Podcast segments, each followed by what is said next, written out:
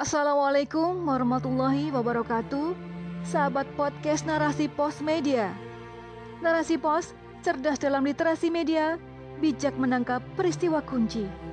Hingga kini, derita kaum muslimin seolah tiada henti.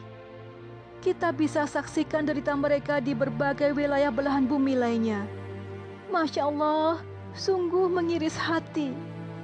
Semua rasa duka ini tertuang dalam sebuah puisi dengan judul Jika Aku Bisa. Karya Yeni Marlina AMA. Jangan engkau tanya apa rasa hati dan perasaan ini. Hanya bisa meratapi sembari menundukkan hati pada Sang Ilahi. Mereka menjerit, tersengal, terhempas kerasnya derita dunia. Nyawa tak lagi berharga.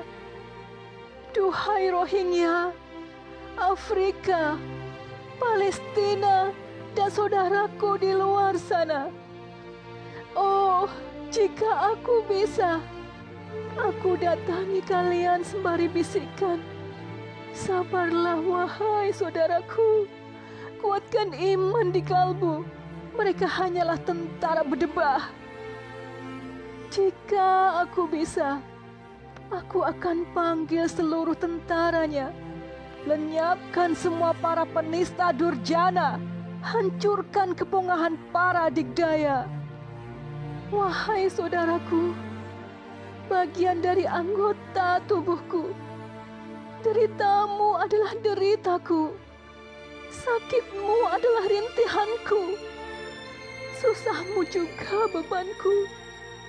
Namun, terbelenggu sekat, aku tak bisa menjumpaimu. Jika aku bisa, aku akan panggilkan sang serdadu untuk segera datang menyerbu. Bersabarlah, wahai saudaraku. Walau aku tak mampu membantumu, namun aku tetap berjanji pada diri melakukan secercah abdi untuk perbaiki negeri. Perjuangan tanpa henti hingga sampai hari yang dinanti.